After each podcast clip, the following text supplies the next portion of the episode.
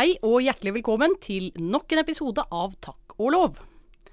Denne pandemien som bare varer og varer, er jo på ingen måte patent. Men det er tema for dagens episode. Og det er jo nettopp pga. pandemien at det er det. For i dag skal jeg få lære litt om patentrett gjennom å høre en særdeles kyndig gjest tegne og forklare om patenter på covid-19-vaksiner, og den diskusjonen de har frembrakt om behovet for midlertidig unntak fra patentrettigheter. Og hvem bedre til å hjelpe meg med dette enn min strålende kollega Inger Berg Ørstavik. Velkommen, Inger. Tusen takk. Veldig hyggelig å ha deg her. Du er eh, ansatt på Institutt for privatrett. Der har du vært siden 2014. Du har tidligere jobbet hos regjeringsadvokaten og i advokatfirmaet Skjøtt. Du har en doktorgrad eh, som heter Innovasjonsspiralen. Patentrettslige, kontraktsrettslige og konkurranserettslige spørsmål ved forbedring av patenterte oppfinnelser. Den fikk du intet mindre enn kongens gullmedalje for. Det er ganske heavy, og er, du er den første kvinnelige juristen som fikk den gullmedaljen, så vidt jeg vet. Så nå skal jeg ikke skryte meg, for nå ser jeg at du begynner å bli litt flau. Um, men vi jo, prøver jo alltid å myke opp starten på disse av og til litt tunge juridiske emnene med å komme et språkrådstilpasset fun fact, et artig faktum, om gjesten vår. Og da er vi ute og henter inn, da, fra folk som kjenner deg. Um, og den vi har hentet hos, uh, dette hos, tror jeg er veldig, veldig glad i deg. For det var altså en helt utømmelig liste av fantastiske punkter, så jeg kunne egentlig bare laget en pod bare på dem. Men det skal jeg ikke gjøre. Um, men uh, bare trekke frem et par ting. Du har undervist om menneskerettigheter i Kina. Ja. Det er jo en, ikke alle som gjør. Det fikset du på egen hånd, til og med. Ja, vi bodde jo noen år i Shanghai. Ja. Så da um, jobbet jeg for Fudan University og hadde et kurs i menneskerettigheter. Så, og de har jo en litt annen tilnærming til menneskerettigheter enn det vi har, kan du si. Ble det godt mottatt likevel, eller?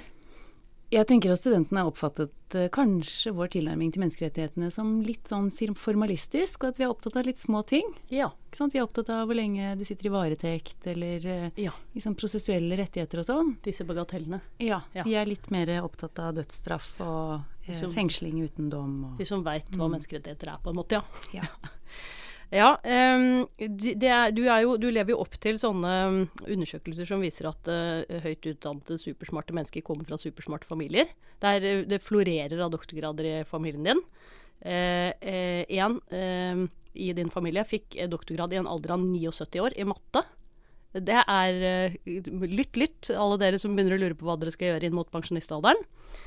Eh, men det er jo ikke sånn at selv Og du er Jo, i tillegg så er du kjempeflink på piano. Du håper bare at du Eh, og nå tenker alle at du er sånn supermenneske.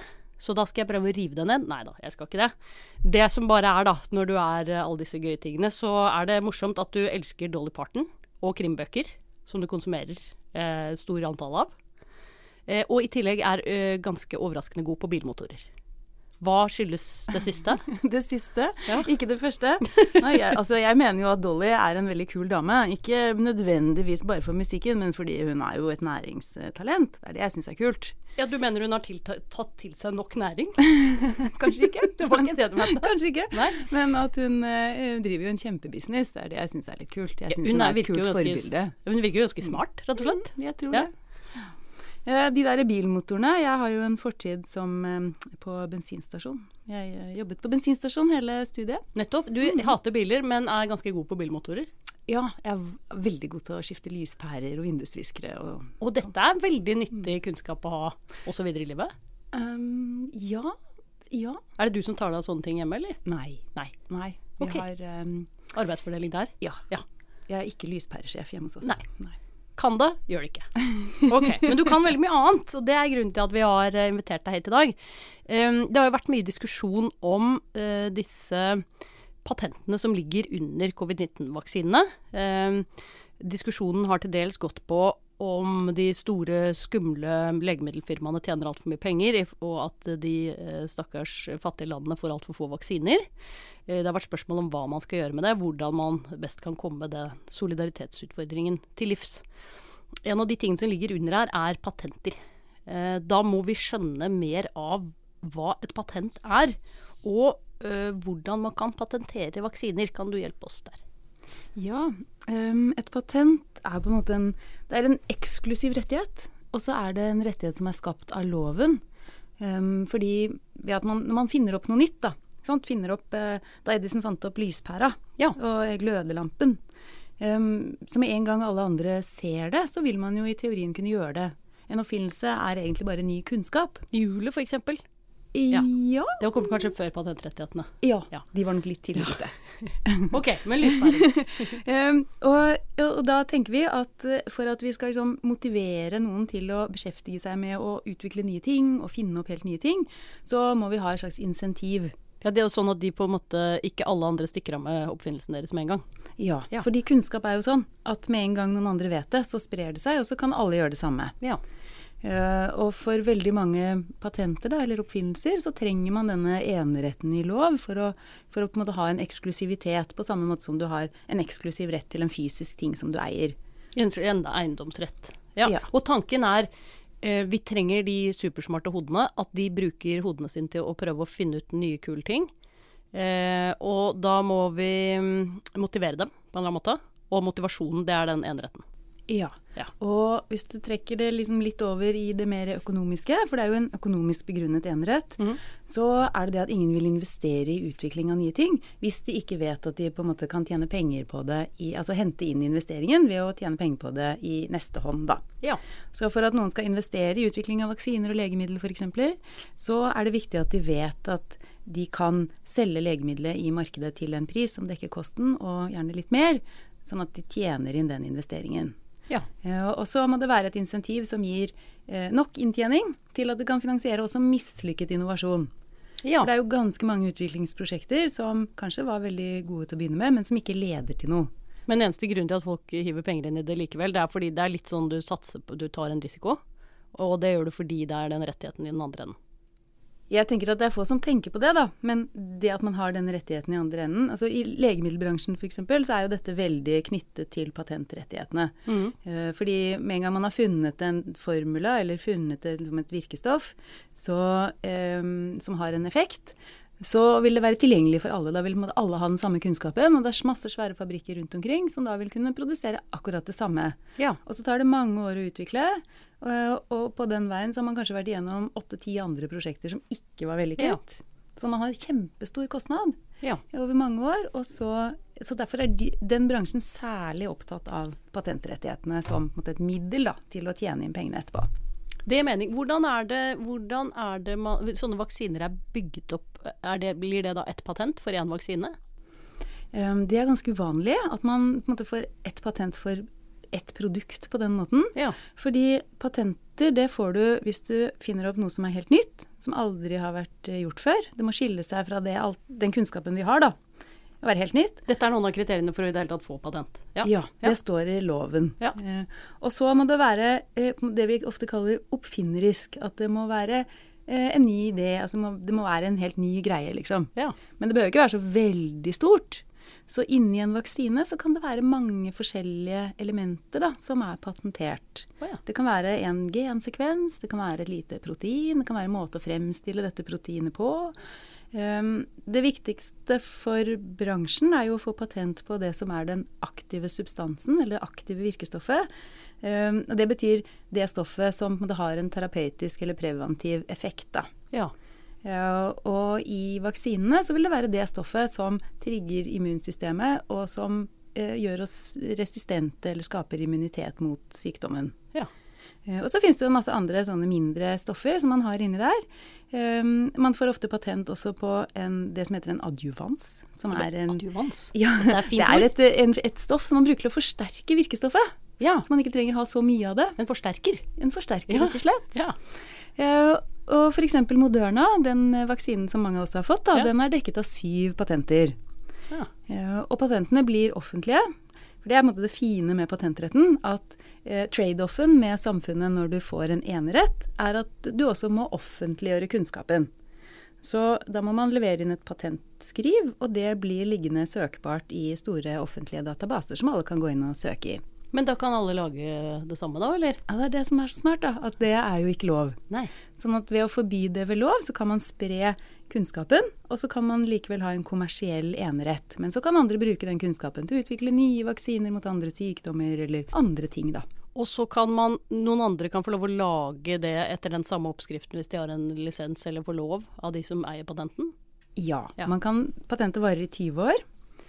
Legemiddelpatenter de får et eh, supplerende beskyttelsessertifikat som varer fem år til.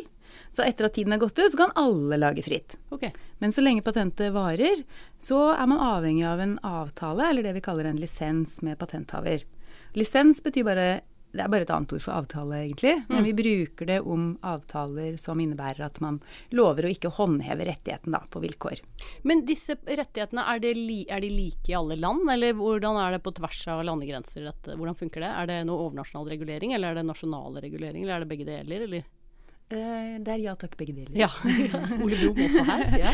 Men, eh, og dette er jo på en måte patentrettens og immaterialrettens eh, styrke, da. At er, det er nasjonale rettigheter, så for å få en enerett i Norge, så må du søke eh, i Norge. Og så blir det på en måte meddelt, eller du får innvilget et patent hvis vilkårene er oppfylt. Og da gjelder den rettigheten i Norge. Um, men med en gang du har søkt i et land, så blir det jo kjent, ikke sant. Og da kan du liksom, i teorien da, ikke søke i andre land. Eh, og så Derfor har man jo fått eh, internasjonale avtaler som både samordner søknadene, så du kan søke internasjonalt, og så peke ut de landene du vil ha. Og Da vil man jo ofte ha der du skal produsere, der du skal selge, og der konkurrentene produserer. Ja, og så har vi internasjonale konvensjoner som eh, har visse minste felles regler, da, sånn at de materielle reglene også skal være like. Og de tingene sammen, det gjør jo at man kan bruke patentene som virkemidler i et internasjonalt marked. Det fungerer, det, legemiddelmarkedet blir internasjonalt, for de vet at de har beskyttelse i de landene de trenger det. Og hvis du nå uh, Dette var en veldig fin innføring for meg som jeg har aldri hatt uh, Var det valgfag på studiet da vi gikk der? Ja, nå trodde jeg du skulle si at du aldri har hatt patent på noe. Det har Nei, ikke det har jeg heller. heller ikke, faktisk. Nei, men uh, dette var veldig bra innføring for meg, som ikke kan så mye om uh, verken materialrett generelt eller patentrett spesielt. Takk og lov for hjerner som Ingers, som kan hjelpe oss gjennom spørsmålet om patenter og vaksine. En relativt tung materie å få god oversikt over. Eh, derfor går vi rett på sak. Vi må ha litt bakgrunnsmateriale. Er det noen eh, kurs vi kan eh, få hjelp av? Hvis, vi, hvis, vi, Absolutt. hvis vi skal skjønne litt mer her. Ja, men Nå ble du så ivrig at du avbrøt meg. Det liker jeg. Bare fortsett, du. Det er jo derfor jeg sitter her. Selvfølgelig. Juss har ting på dette her. Eh, det årlige kurset i patent, varemerke og designrettskurs 2.11. Og nå er det jo sånn, det er vel den nye normalen, da, at eh, du kan eh, melde deg på fysisk, møte hyggelige kollegaer. Og du kan også være der i, sammen med din skjerm. Enten som et opptak eller å se det på stream. Altså har vi jo da et webinar. Patentering av dataprogrammer. Webinaret av patentering av informasjonsteknologiske oppfinnelser skal holdes Krevende greier. Ja, det var en veldig lang setning. Ærlig. Skal holdes 18.10. Og så har vi jo ting på e-kurs. Det ligger jo masse Vi har masse digitalt for deg som enten ønsker å ha et enkelt produkt, et kurs, eller som ønsker å ha et abonnement. Og det jeg snakker om nå, det er innføring i materialrett. Nettopp. Dette eh, kan De som ikke fikk med seg alt, kan spille dette om igjen. Ja, for det var en veldig fortettet eh, kunnskap. eh, levert veldig hurtig der. Tusen Ja. takk. Eh, og hvis vi går over til den mer boklige lærdommen, hva kan vi grave oss eh, ned i, Stulla? Hvis vi skal gruble videre på de spørsmålene som Inger har eh, dratt opp for oss. Hvis du da slår opp på Juridika, eh, i en bok som heter Markedsrett, innføring i markedsføring, konkurranse og immaterialrett, eh, som er en helt fersk bok, så får man jo på mange måter en, en oppsummering i en litt saktere variant da, enn den du akkurat eh, presenterte. saktere, ja. Eh, men på en annen måte. Jeg tror, jeg tror mange kan ha glede av egentlig begge, begge variantene. tror jeg også. Eh, Helt klart. Ypperlig kombo. Ja, ja, ja. Markedsrett da, er jo en klassisk innføringsbok som tar deg liksom gjennom det du trenger å vite om markedsrett. Okay. Eh? Hvordan fyller du ut en patentsøknad? Eh, hva utgjør konkurranseskadelig samarbeid? Praktisk, rett og slett. Ja, ja, ja. Ikke sånn bare boklig lærdom. Ja, ja. Og kanskje det alle småbarnsforeldre sitter og lurer på mens de matter eh, smårollingen. ikke sant? Hva var det jo nå egentlig med denne tripp-trapp-stolen? Ja, for det, det var noe greier. Der var det noe Ja. greier. Og svaret på det det står faktisk i markedsrettboken du finner på Juridika. Les den før du handler stol til dine barn. Da har vi fått eh, nok et kapittel med kurs og videre lesning. Tusen takk skal dere ha. Takk og lov for at dere ble med. Og da går vi tilbake og snakker videre med Inger. Men bare hvis vi da løfter blikket igjen og ser ut på denne eh, pandemisituasjonen vår, eh, så har det vært en del diskusjoner om eh, disse patentene er av det gode eller ikke. Om de burde, eh, om de burde oppheves for noen av vaksinene. Slik at uh, fattigere land kan få tilgang på dem eller produsere dem selv. Um, noe av diskusjonen har vært at det kanskje ikke er patentene som står i veien for vaksineutvikling, men produksjonen, altså alle komponentene skal inn i vaksinen, eller at den er vanskelig å lage. Kan ikke du tegne og forklare litt grann hvilken situasjon vi er i egentlig nå? Ja, det vi ser nå, det er jo um, den uheldige virkningen av dette internasjonale samarbeidet. For eh, patentretten er Det finnes regler innenfor WTO-samarbeidet eh, om dette. Vi har noe som kalles for TRIPS-avtalen. Det står for Trade Related Aspects of Intellectual Property Rights. Uh. Men eh, TRIPS holder. Trips er eh. Til daglig. Holder til den, ja. Men den har det vært veldig mye snakk om i mediene. Og den avtalen har en del grunnleggende regler om patenter, sånn at alle medlemslandene i WTO er forpliktet til å ha visse grunnleggende regler. Og det betyr både at hele WTO er et felles marked, men det betyr jo også at det er veldig vanskelig å gjøre endringer og tilpasninger hvis det er behov for det. For poenget med avtalen det er å, å få til et, et felles rammeverk for alle. Ja. Men nedsiden er at det blir rigid og Ja. gjelder for alle. Ja. Ja. For dette er jo WTO, det er jo landene som er representert. sånn at hvis man skal endre noe der, så krever det enstemmighet. Mm. Og så har man i den avtalen man har noen regler om det som heter tvangslisens. Hva er det? Det betyr at man får av myndighetene i landet sitt, da, så får man en tillatelse til å bruke et eh, patent, eller kunnskapen i patentet, uten samtykke fra den som eier patentet. Ja, så hvis uh, Pfizer har patent i USA på sin vaksine, så kan de utstede en tvangslisens som gjør at alle andre får lov å produsere. Eller bruker. Bare Ja, dette er jo litt komplikado. Ja. fordi, fordi det er nasjonale er rettigheter og internasjonal regulering, så er det måte, myndighetene i Norge da, som må si til en produsent i Norge at eh, ja, nå er situasjonen sånn i Norge at det er eh, en trussel mot folkehelsen. Det er jo typisk et grunnlag som kan eh, begrunne en tvangslisens. Mm. Så sier de at da mener vi at dette patentet som amerikanske Pfizer har tatt ut i Norge, Sånn, ja. eh, at du får en tvangslisens for å produsere uten hensyn til det. Og da setter denne TRIPS-avtalen noen vilkår for disse tvangslisensene. Eh, og det er bl.a. at man må f.eks. man må betale. Så det blir jo ikke gratis fordi man har en tvangslisens. Eh, og at eh, og, Men det som er problemet da med disse fattige landene, det er at de har ikke produksjonskapasitet selv. De har ikke vaksinefabrikker Nei, de som ikke står klare. Ok, nei, jeg skjønner. Og er det både fabrikken, altså både selve produksjonsstedet og råvarene? Ja, Um, det er jo både rettslige og faktiske hindre for Ja. å få til dette. Uh, de rettslige hindrene det er sånn at det er vanskelig å få tvangslisens for å produsere for noen andres behov. Ja. Det er bare mulig for visse, altså de aller fattigste landene kan man tenke seg det. Men for å på en måte dekke verdens behov som sådan, så passer ikke de reglene så godt. Nei. Eh, og så er det at, eh, og det er jo en diskusjon som pågår, i hvilken grad vil en tvangslisens egentlig hjelpe? Ja. Fordi eh, man må jo ha For det første så må man jo ha fabrikker som kan produsere. Så må man ha nok råvarer, tilgang til råvarene. Og så må man ha kunnskap om hvordan det skal produseres. Og det er ofte en kunnskap som legemiddelfirmaene ikke nødvendigvis deler, og den vil ikke stå i patentet. Fordi patentet kan jo dekke bare en liten gensekvens, det kan dekke liksom, dette proteinet, dekker dette virkstoffet. Men det dekker jo ikke hele produksjonsmetoden, altså hvordan du setter alt dette sammen, i hvilken styrke og i hvilken rekkefølge og hvordan det kokes sammen. Det er jo ikke dekket. Nei, faktorenes orden er ikke nødvendigvis likegyldig. Nei da, og hvordan man gjør det, og Ja. med hvilke liksom, innsatsfaktorer, da. Eh, Så den kunnskapen får man ikke selv om man får tvangslisens. Fordi tvangslisensen den bare opphever den juridiske Altså retten til å håndheve patentet. Er det fordi den eh, de, de reguleringen, altså denne, dette instrumentet, tvangslisens, er blitt til før man begynte å tenke på at det skulle være så komplekst som nå, eller hva er det som gjør at det er dårlig tilpasset? Altså det er tilpasset eh, patentene. Så dersom situasjonen hadde vært at patentet dekket hele produktet, Ja. eh, så ville det jo hjelpe med en tvangslisens. Men, og det kan være forskjellig. Det er jo helt altså, Jeg skulle si ikke tilfeldig, men, men eh, noen oppfinnelser er sånn at hvis du får tilgang til patentet, så vil du umiddelbart skjønne hvordan du lager det. Mm. Men akkurat for vaksiner så er det nokså komplisert.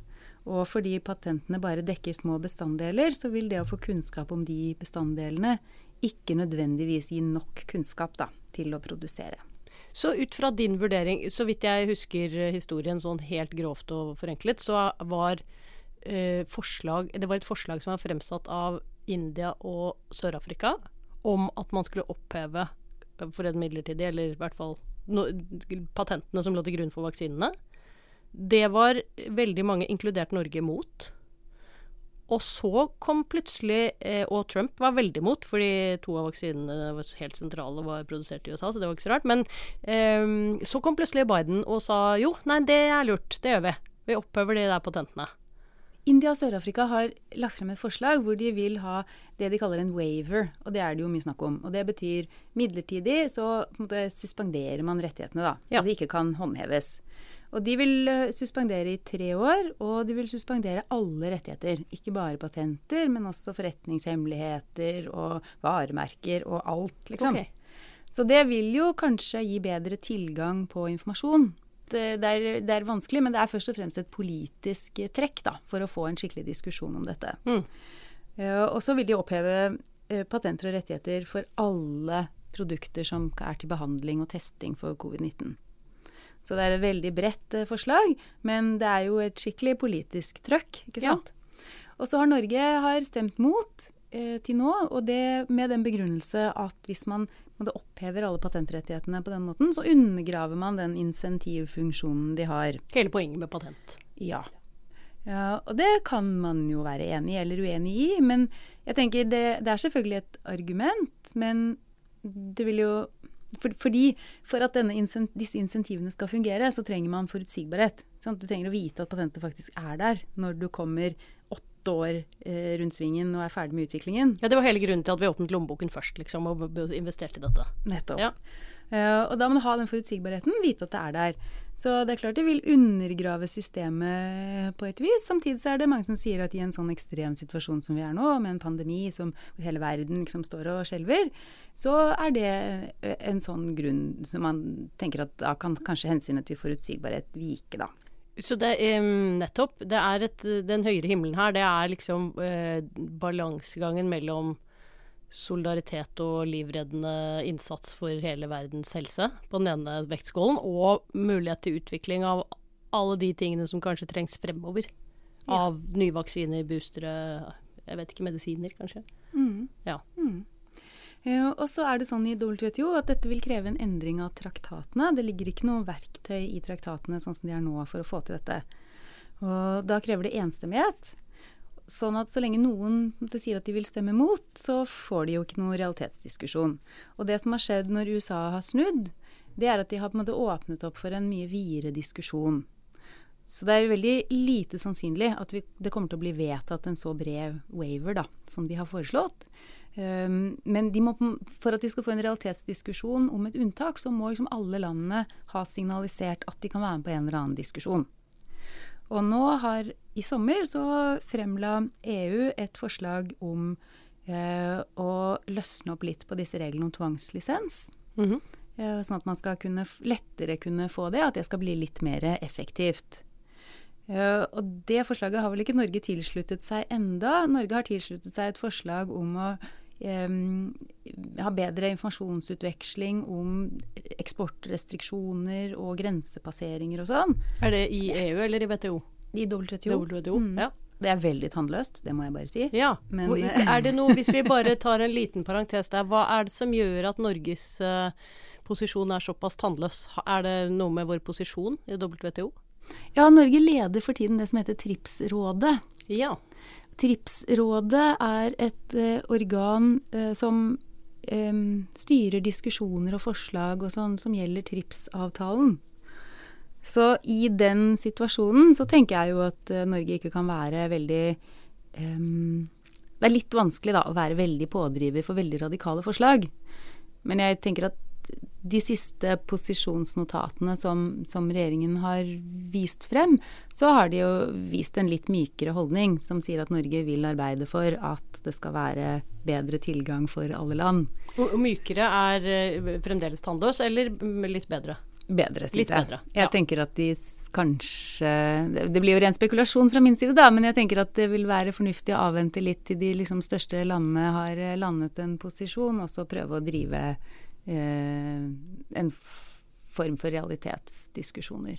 Hva er grunnen til at man har myket det opp nå, da? Det er jo åpenbart ikke det, det valget vi nettopp har eh, vært igjennom. Det vil jo heller da være For ingen er jo interessert i utenrikspolitikk her hjemme. Um, så det må jo være noe annet. Hva er grunnen til at man har myket opp? Er det at man har fått kritikk utenfra, eller? Um, det vet jeg ikke. Det Nei. Det er jo ikke sånn som vi ut på utsida vet så mye om. Nei. Men det er klart at det, det det er nok en endring også innenfor WTO som, som tilnærmer seg en realitetsdiskusjon. Og mm. det tenker jeg jo er i alles interesse, å få en bredere diskusjon, da. Og at man er ikke lenger bare ja eller nei til det absolutte forslaget, men kan diskutere også andre ting. Hva, hva vil, hvis du hadde sittet og styrt disse forhandlingene, hvordan ville du eh, lagt opp løpet da? Nei, det, det, er veldig vanskelig å si. Det er min ekspertise er jo ikke internasjonale forhandlinger. Nei, men du, kan, du ikke å ta forhandlinger det strategiske. trenger du ikke. Du trenger bare Hvilket resultat vil du gjerne sett for deg? Ja, jeg tenker at jeg er litt usikker på om jeg syns at patentretten er det rette stedet å gjøre det, faktisk. Ja. Um, jeg tenker nok at dette er en helt ekstrem situasjon, og vi trenger på en måte en nødlovgivning som bedre sikrer større produksjon. Og så Jeg tenker jo at disse enerettighetene de har en funksjon som vi trenger. Men de legger opp til at det er markedet som skal styre, sånn at det liksom er markedsøkonomisk, et markedsøkonomisk virkemiddel. Og så er det viktig å huske på at det er et rent økonomisk virkemiddel, så det vil være veldig naivt, mener jeg, da, å tro at når vi gir måte, legemiddelbransjen en, et verktøy til en lommebok, mm. og tro at da skal de tenke med hjertet, det, liksom, det stemmer jo ikke. Nei. Fordi patentrettene gir dem jo ingen insentiver til det. De gir dem en mulighet til å ha en fungerende lommebok. Ja, og kanskje det ville være en god idé å heller bruke andre verktøy. altså en, Enten en pandemitraktat eller en liksom, krisetiltak eller um, Eller man kan tenke seg jo i altså innenfor immaterialretten og TRIPS-avtalen på en måte eh, nødregulering, da. Ja. At man har definerer situasjoner og sier at disse situasjonene er det verdens eh, helse, eller på en måte verdens problemer, som tilsier at vi må løse dem ved å ha unntakslover. En kjempestor internasjonal beredskapslov. Ja, et ja. eller annet sånt. Men det er selvfølgelig helt kjempevanskelig å få til. Eh, tenker jeg. Ja, men det kan man jo ikke la seg stoppe av. Nei, ikke som akademiker, tenker jeg. men eh, på nasjonalt nivå, da? Er det noe vi kan gjøre her? Um, det er jeg veldig usikker på. Altså, man ser jo at det er et problem med måte, produksjonskapasitet. ikke sant? Og dette, vi ser jo at det er ulemper med å ha et internasjonalt marked. Og så ser vi at Norge er jo et veldig lite marked. Eh, sånn at de har blitt kritisert for å være, eh, bruke innkjøpsordningene til EU å melde seg på de. Mm. Fordelen med det er at EU er en veldig stor innkjøper, så de har jo mye større makt til å komme lenger frem i køen. De, mens et bitte lite marked som Norge kanskje ikke vil komme så langt frem i køen. Da. Ja. Uten å betale veldig mye mer. Nettopp. Mm. Men sånn offentlig finansiering, er det en vei å gå, eller? Ja, og det er den andre store varme Hva heter det? Hete poteten. Vi, vi her uh, opererer vi med mange hete poteter. Ja ja. Dette er jo Altså hele fagmiljøet vårt gløder jo. Det er jo ikke så ofte patentrett er liksom på den internasjonale agendaen. Uh, men det som har skjedd, er jo at det er uh, Gjennom internasjonale samarbeidsorganisasjoner så har store offentlige og i og for seg private midler blitt kanalisert mot vaksineutvikling. Og det er jo også har bidratt til at de kunne gå så fort. Eh, for vi har de der organisasjonene som heter CEPI og COVAX. Eh, hvor CEPI er en eh, vaksineorganisasjon som skal sørge for utvikling av vaksiner og spredning av vaksiner. Og COVAX er etablert nå og er en organisasjon som skal sørge for fordeling av vaksiner. Der har vi vært med, har vi ikke det? Jo, Norge, Norge har jo en ledende posisjon i begge Ja. disse organisasjonene, og er veldig aktive. Og har vært en pådriver, var med å stifte CEPI i 2017. Ja. Og gjennom de så har både Norge og veldig mange andre land bidratt med liksom mange, mange, mange, mange milliarder dollar til denne utviklingen. Og da kunne man tenke seg at eh, når man har fått offentlig støtte, så tar man jo ned risikoen ved å investere i utvikling. Ja, nettopp. Eh, fordi legemiddelfirmaene må investere mindre selv. Og at det kunne gjenspeilet seg i en form for reduserte rettigheter, eller man kunne tenke ingen rettigheter i det hele tatt. Ja. Ja, og det har man jo ikke gjort.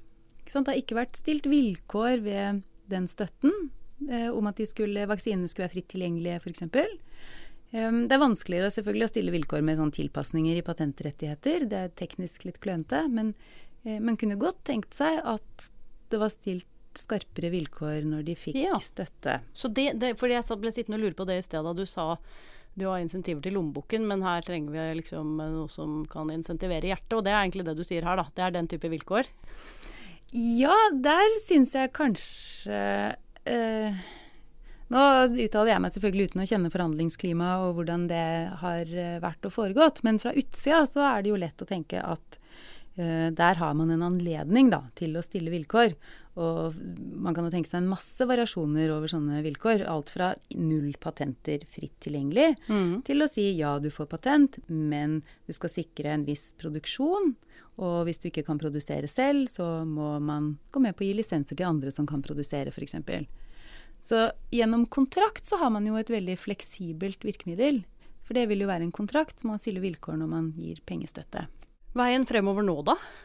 Ja, altså nå er vi jo i et spor hvor vi på en måte har velutviklede vaksiner. eh, Og det handler om nok produksjonskapasitet og eh, pris, pris på, på vaksinene og fordeling til fattigere land. Og jeg tenker at etter hvert som eh, de rike landene nå er snart fullvaksinert, så vil måte, vaksiner strømme gjennom Covax og til fattigere land også. Men det er jo sårbart hvis det blir sånn at man trenger boosterdoser, eller at man trenger ny utvikling fordi viruset muterer, sånn at vi må ha en ny vaksine. ikke sant? Så, så vil jo en sånn utvikling fort bli nullstilt. Så det, mm, hvis vi skal prøve å konkludere her, da, det er jo ikke så lett. Eh, Både er vi midt i pandemien, og dette virker som det er utrolig vanskelige spørsmål. Kanskje særlig fordi det krever enstemmighet på et internasjonalt nivå, eh, og de enkelte landene ikke kan gjøre sånn veldig mye, annet enn å komme med skarpe forhandlingsutspill, da, som jo sånn sett så må vi vel kanskje takke eh, India og Sør-Afrika for å satte i gang debatten på den måten de gjorde. Selv om eh, det virket som de fikk massiv motstand, så var det i hvert fall et utspill som skapte mye debatt og oppmerksomhet omkring, omkring dette. Det er vel ikke så lett å, å konkludere, kanskje, men har du noen avsluttende tanker til eh, patenter og vaksiner? Jeg tenker jo at dette er noe som måtte, vi både eh, på alle nivåer, da, både politisk og akademisk og praktisk, må jobbe litt videre med. Vi kommer ikke til å løse dette for all fremtid, men det viser oss jo at selv om vi lager kjempegode systemer, og selv om vi har flotte internasjonale avtaler, så må vi liksom eh, Verden utvikler seg. Så vi, altså jussen må jo også følge med. Ja. Dette er jo, hva skal vi si, vårt, eh, vårt lodd i livet som jurister. Å løpe, henge som et slips etter utvikling. Og prøve å ta den igjen, og bidra med reguleringer som gjør verden litt bedre.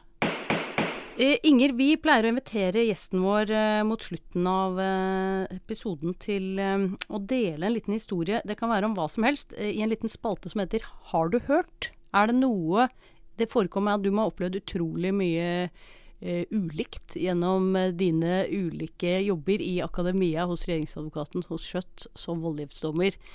Jeg vet ikke hvor mye rare ting man kan ta patent på engang, men er det noe du tenker at eh, jeg og våre lyttere burde ha hørt? Mer jeg tenker på at kanskje jeg er glad dere ikke har hørt, men eh, Veldig bra. Men eh, jeg kan jo tenke noen ganger at eh, på universitetet så er liksom eh, Det beste med verden der er jo å treffe alle studentene. Men jeg kan savne litt at det liksom skjer helt sånne crazy ting. Ja. Ja, og det har skjedd jo en del sånne ting. Hos regjeringsadvokaten så skjer det jo en del sånne ting når man er ute og reiser rundt på saker og sånn. Universitetet, relativt kjedelig. Regjeringsadvokaten, helt crazy. Få høre. Men jeg må si at universitetet sånn faglig, det vil jeg jo bare si da, faglig veldig spennende. Enig at det er veldig gøy. altså Det er jo en grunn til at vi er der. Ja, men regjeringsadvokaten en god del annen uforutsett spenning, Ja. vil jeg si. Eh, Jeg har f.eks. vært på kanonsightseeing i Finnmark. Ja vel. Um, nå fikk jeg plutselig eh, på netthinnen et eh, profilbilde på Facebook av en av våre andre kolleger, men det skal jeg ikke trekke opp her nå. Hva, skjedde på kan kanonsightseeingen? Nei, jeg var på en sak i Alta med noen en, reiste med en oberst i Heimevernet. Ja. Og han var jo så høyt på strå at eh, når vi kom opp dit, så eh, hadde jo han et kjempeprogram. For han skulle se på ting og ut på forskjellige leire og treffe folk og det ene og det andre. Eh, og jeg er usikker på om de var høflige, eller om de kjente at de måtte bidra til min liksom, allmenndannelse. Men jeg ble da hentet hver morgen kvart på seks. For rettssaken begynte jo ikke før ni, og da hadde vi tre timer til å kjøre til en eller annen kanon eller et anlegg og se på det. For det var det du egentlig trengte før hver rettsdag? Det var akkurat det jeg trengte, istedenfor å sitte og forberede meg til vitneavhør og andre ting. Så ble jeg i hvert fall tatt ut av papirenes kjedelige verden og fikk eh, se en god del av Finnmark. Dette er veldig bra. Jeg håper du da fikk noe skyts til eh, argumentene dine i retten også. Det vet jeg ikke. Ikke kjempemye, kanskje. Ikke kjempemye. Uansett, tusen takk eh, Inger for at du ville være med og opplyse oss om dette temaet her. Det er jo mye juss, eh, men også mye politikk. Eh, Jeg liker måten du forener lommebok og hjerte på, på insentivsiden. Eh, Det tror jeg er en helt nødvendig tenkning. Eh, tusen takk for at du ville være med i Takk og lov, og tusen takk til dere lyttere for at dere var med. Dere skal få lov å bli med i neste episode også, hvis dere vil. Tusen takk for i dag.